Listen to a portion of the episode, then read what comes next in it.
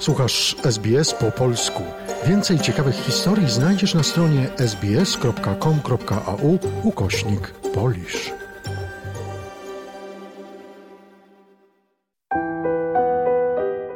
Czas na kolejny odcinek serialu o majorze Sewerynie Korzalińskim, jednym z wielu, którego los wypchnął na obczyznę. Bohater opowiadania major Korzaliński jest autorem pamiętników wydanych w 1858 roku pod tytułem Opis podróży do Australii i pobytu tamże od 1852 do 1856 roku. Oto piąty odcinek serialu zrealizowanego przez Andrzeja Siedleckiego pod tytułem Czas pożegnania.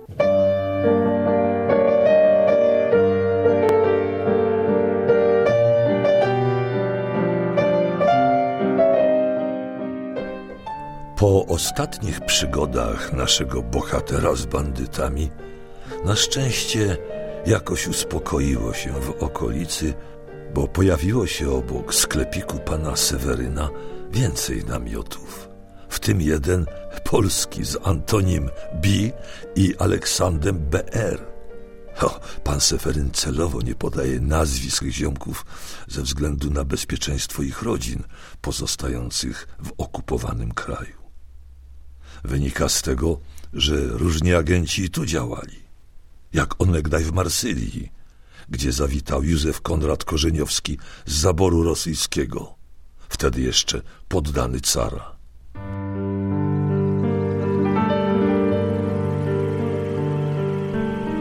Także na terenie, gdzie handlował pan Seweryn, zrobiło się przyjemniej i bezpieczniej, a przyjaciele, których pozyskał, niektórzy świetnie edukowani, uprzyjemnili mu, jak pisze, ostatnie miesiące przed powrotem do kraju.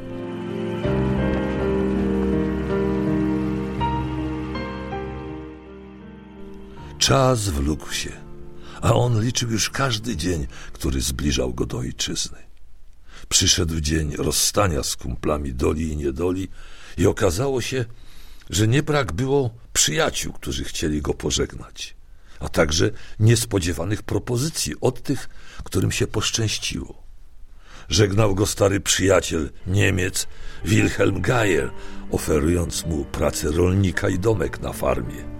A stary, bogaty Anglik, Christian, który z Wilhelmem nieraz popijał w sklepiku pana Seweryna, a decyzję powrotu uważał za głupią, proponował mu teraz, by z nim zamieszkał.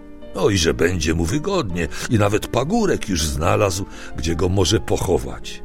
No i że tam y, mogą sobie razem leżeć. Na co pan Seweryn odrzekł.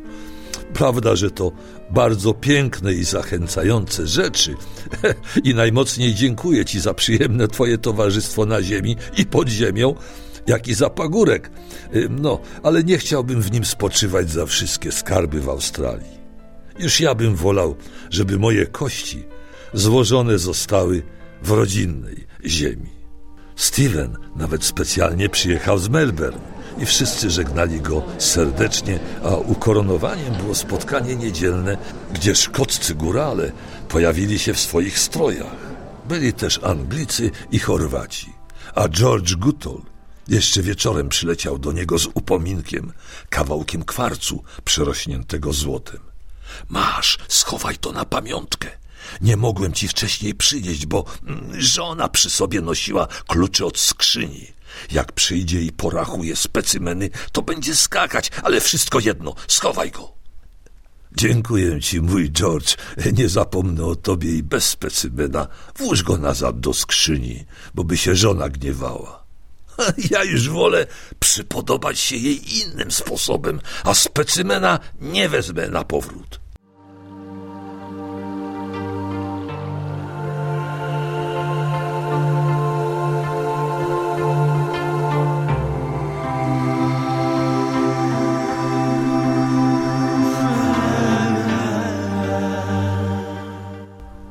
Nazajutrz różne myśli panu Sewerynowi przychodziły do głowy. Nie wierzył, że ma już opuścić to miejsce na zawsze. Krainę, gdzie było tyle szczęścia i nieszczęścia, problemów i zmartwień, wykańczającej pracy. Jeszcze nie wierzył, że ma opuścić te lasy odwieczne i ich mieszkańców, i kumpli, którymi dzielił lata ciężkiej charówki i nieludzkich warunków. Ziomkowie pana Seweryna tego dnia nie poszli do pracy i towarzyszyli mu w wędrówce do Maryborough. Żegnali się nie po angielsku, a wylewnie i serdecznie ze łzami w oczach. A najbardziej ciężko mu było żegnać Stacha, który nie mógł odbyć z nim podróży. Być może na nią jeszcze nie zarobił.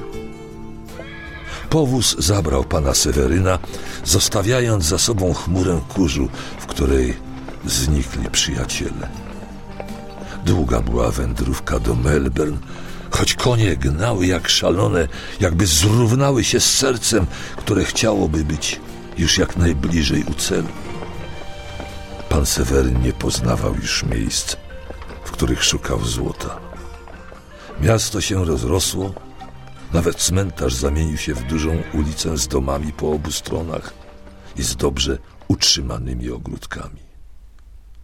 W połowie lat pięćdziesiątych 40% światowego złota było produkowane w Australii.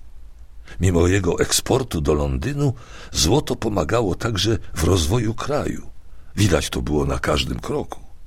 I w Maryborough, Ballarat, Bendigo i Melbourne, do którego pokryci pyłem wreszcie dotarli, by stąd zacząć podróż do rodzinnych stron.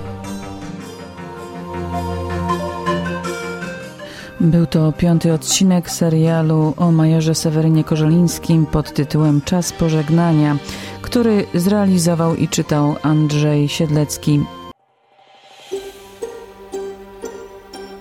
Zainteresowało Cię?